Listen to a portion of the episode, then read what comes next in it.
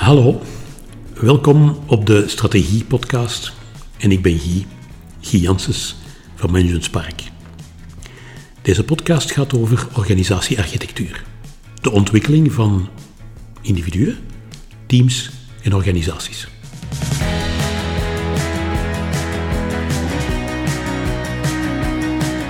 In deze aflevering wil ik een beetje verder bouwen de vorige aflevering die ging over organisatiearchitectuur. Ik gaf toen een voorbeeld. Ik wil er nu een beetje nog dieper op ingaan van hoe kun je dat dan structureren en systematiseren. En ik heb vandaag Tine bij mij. Hoi iedereen. Hey Tine. Tine gaat de rol spelen van iemand die af en toe een vraag voelt opkomen en die dan ook stelt. In de plaats van dat jij dat zou doen, want jij kunt dat nu met mij niet. En uiteraard kunnen we ons vragen stellen na de podcast, die dat dan bij ons terechtkomen en waar dat we weer zullen op ingaan naar jou specifiek. Vandaag wil ik het hebben met jullie over een model, het 7S-model, dat eigenlijk al gecreëerd werd in de jaren 80 van de vorige eeuw. Lijkt lang geleden, maar het is een model dat eigenlijk nog altijd goed is om naar een totale organisatie te kijken, om te zien, kloppen de dingen met elkaar. En of dat dan nu over een organisatie gaat, een bedrijf, of dat gaat over je eigen leven, dat je op een goede manier wilt structureren enzovoort, dat maakt niet uit. Daar is dit model even goed geschikt. De elementen van het 7S-model zijn de volgende. En ze beginnen uiteraard allemaal met een S, want daarom noemt het het 7S-model. Strategie, structuur, systemen, staf, sleutelvaardigheden, stijl, significante waarden. Dat zijn de zeven S'en van het 7S-model. Nu, je kunt daar langs gelijk welke kant instappen in dat model, om eens te gaan kijken van hoe werken de dingen bij ons en klopt het nog wel? Normaal zouden we zeggen, we beginnen bij strategie, omdat vanuit organisatiekunde de regel eigenlijk is dat de structuur strategie volgt. Dus vanuit die strategie gaan we een structuur creëren. Maar ik wil het met, jou vandaag hebben over structuur, specifiek. Omdat ik merk dat nogal wat organisaties er niet goed uitkomen van wat voor soort structuur hebben wij nu best om te maken dat we onze strategie realiseren met de mensen die wij hebben. Vroeger had je een hiërarchische structuur, waar dat de dingen in een piramidevorm aan elkaar vasthingen. Mensen rapporteerden aan het niveautje dat boven hen stond in het organigram. Naar grotere organisaties was dat blijkbaar niet meer functioneel en is men een matrixmodel gaan creëren, zodanig dat je eigenlijk naar verschillende leidinggevende niveaus rapporteerde. Maar wat dat dan resulteerde in het feit dat die man niet meer goed wist wie dat nu haar of zijn baas was. Maar ook werd er op die manier een beetje zo'n spelletjes gespeeld met verantwoordelijkheden. Want het is natuurlijk gemakkelijk als je twee bazen hebt, om tegen de ene te zeggen, ja, dat van u dat kan ik niet doen, want ik ben nog volop bezig voor die andere. Dus vandaag zijn organisaties op zoek naar hoe kunnen we een organisatie zodanig maken dat daar meer ruimte ontstaat voor transformatie. Dat betekent dus eigenlijk een structuur hebben waarin dat mensen zich herkennen, zich, zich veilig voelen, hun rol en hun plek kennen, maar toch ruimte hebben om te ontwikkelen. Misschien in andere richtingen. Want het nadeel van een hele vaste, duidelijke structuur is natuurlijk wel dat dat leidt tot het feit dat de dingen blijven zoals ze waren. En dat het moeilijk is om naar vernieuwing te gaan. Waarom is dat zo? Wel, mensen kennen hun plek. Ze staat ook op papier in een organigram. Je zit daar in een hokje, in dat organigram. En binnen dat hokje is uw rol. Stel nu dat je ontdekt dat je talenten hebt die daar buiten dat hokje gaan. Ja, dan wordt eigenlijk in de meeste organisaties niet echt aanvaard dat je dat ook gaat doen, want dat past niet. We roepen allemaal wel van we zoeken creativiteit, we zoeken out of the box denken, maar als mensen dat dan beginnen te doen, ja, dan krijgen de leidinggevende last. Want dan wordt het blijkbaar ineens een ander spel dan wat we tot vandaag speelden. En moet dat allemaal meer passeren door de meetings en de commissies voordat we aan de slag kunnen Ondertussen is het kind al lang dood. Is dat een antwoord op jouw vraag? Ja, dankjewel. Dus we zoeken eigenlijk naar een combinatie tussen aan de ene kant een stukje herkenbaarheid. Ik, ik weet welke rol dat ik speel. Mijn collega's weten dat ook. Er staat misschien zelfs een functietitel op, wie weet. En aan de andere kant naar een soort van organisch gebeuren, waarin dat dingen eigenlijk gemakkelijk kunnen transformeren. Want de last die we in de voorbije jaren hebben gehad, is eigenlijk dat we vergeten waren dat transformatie zich dag na dag voordoet. Dingen blijven niet voor eeuwig hetzelfde. De natuur transformeert zelfs alle dagen. Maar hoe gaat het daar dan mee om in een organisatie? En vooral dan, hoe gaat u een structuur creëren, zodanig dat die openheid biedt aan die transformatie, die eigenlijk niet op een bepaald moment weer een project moet worden, maar transformatie die eigenlijk continu zich voltrekt en die zich aanpast aan de behoeften van die organisatie, zoals dat die eigenlijk ook continu in verandering zijn, want de klanten veranderen, de behoeften van de klanten veranderen.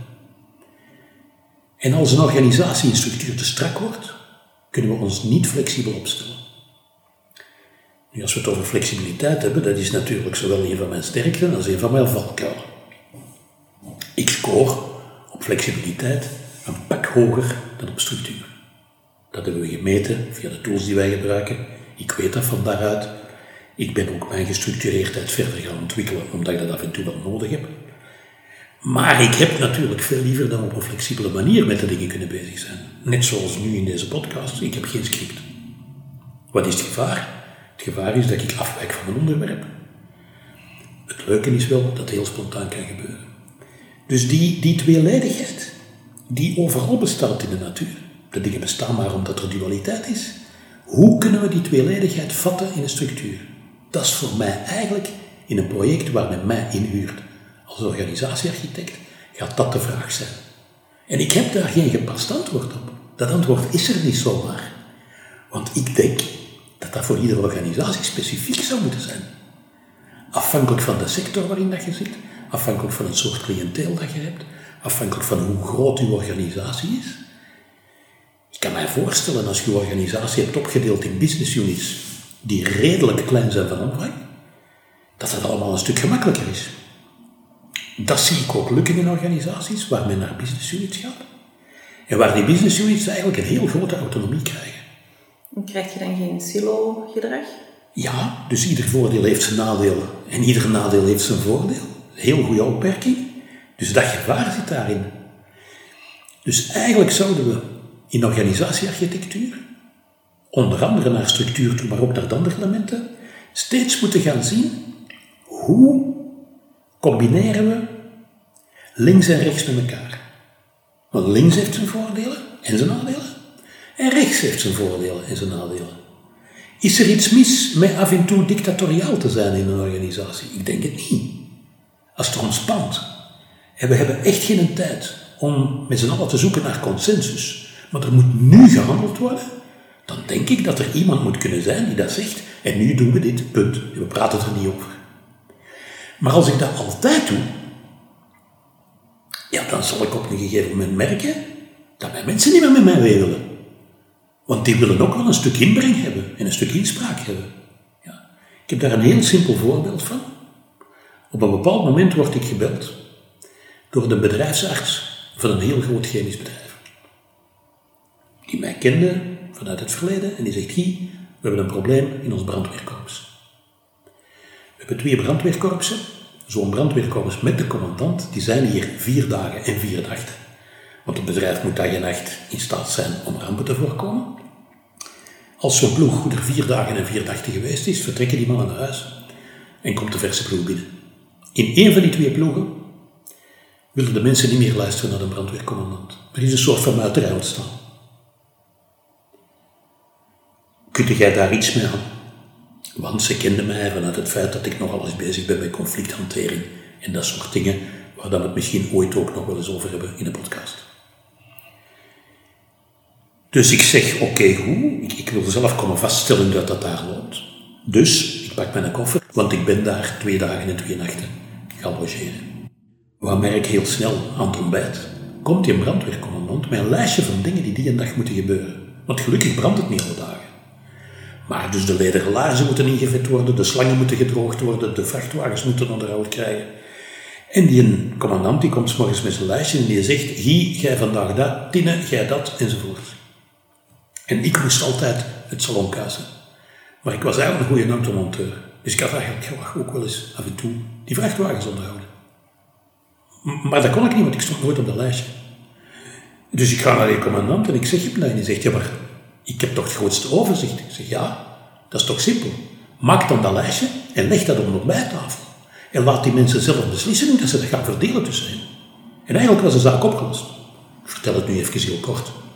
Maar soms kan het heel simpel zijn. Dus die man zat eigenlijk vast in zijn structuur van ik ben de commandant.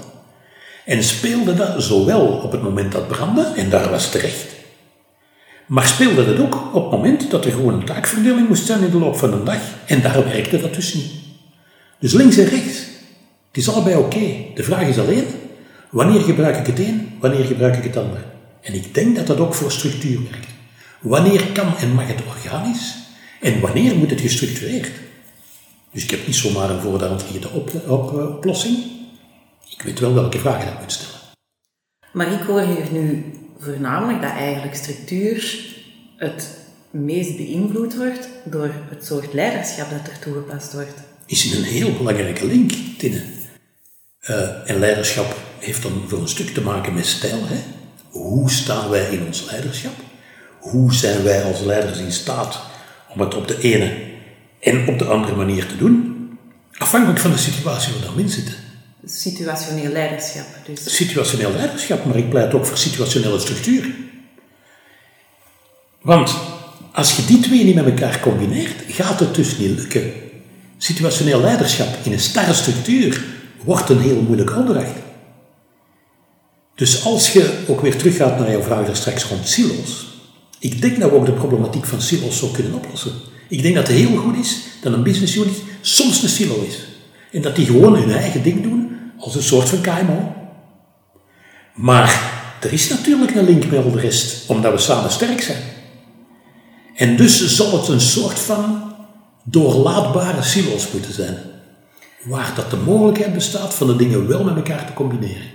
We zien dat nu in ons eigen bedrijf ook. Hè? Hm? Wij hebben uh, een tijdje in twee silo's gewerkt. Um, totdat wij in onze eigen silo een idee hadden van oké, we zijn goed wat we doen in onze silo. En nu begint er kruisbestuiving te komen tussen de twee silo's. Is dat wat je bedoelt? Dat is wat ik bedoel. En wat dat ik daar zie gebeuren tussen die twee zogenaamde silo's in ons bedrijf, dat is vanaf het moment dat er respect is beginnen ontstaan tussen de kennis en de kunde van die twee verschillende silo's, en dat men is beginnen inzien van, oké, waarom doen die dingen zo en waarom doen die die dingen, en dat over en twee, van toen af aan is het gelukt om die silo's met elkaar te gaan combineren op momenten dat het nodig is. Ja.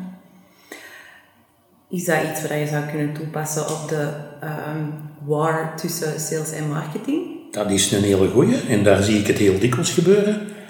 Um, omdat marketing en sales elkaar dikwijls niet begrijpen. En on top of it, dat die proberen om in de lead te staan. Maar het gaat er niet om dat marketing belangrijker is dan sales of dat sales belangrijker is dan marketing. Ze zijn even belangrijk en als ze dat van elkaar inzien en elkaar daarin gaan respecteren, dan stopt de war om sales en marketing en dan gaat dat veel meer effectiviteit creëren met invloed op het rendement. Ik uh, hoor jullie binnenkort terug graag en dan gaan we het verder hebben over de andere S'en van het 7S-model. Leuke dag nog.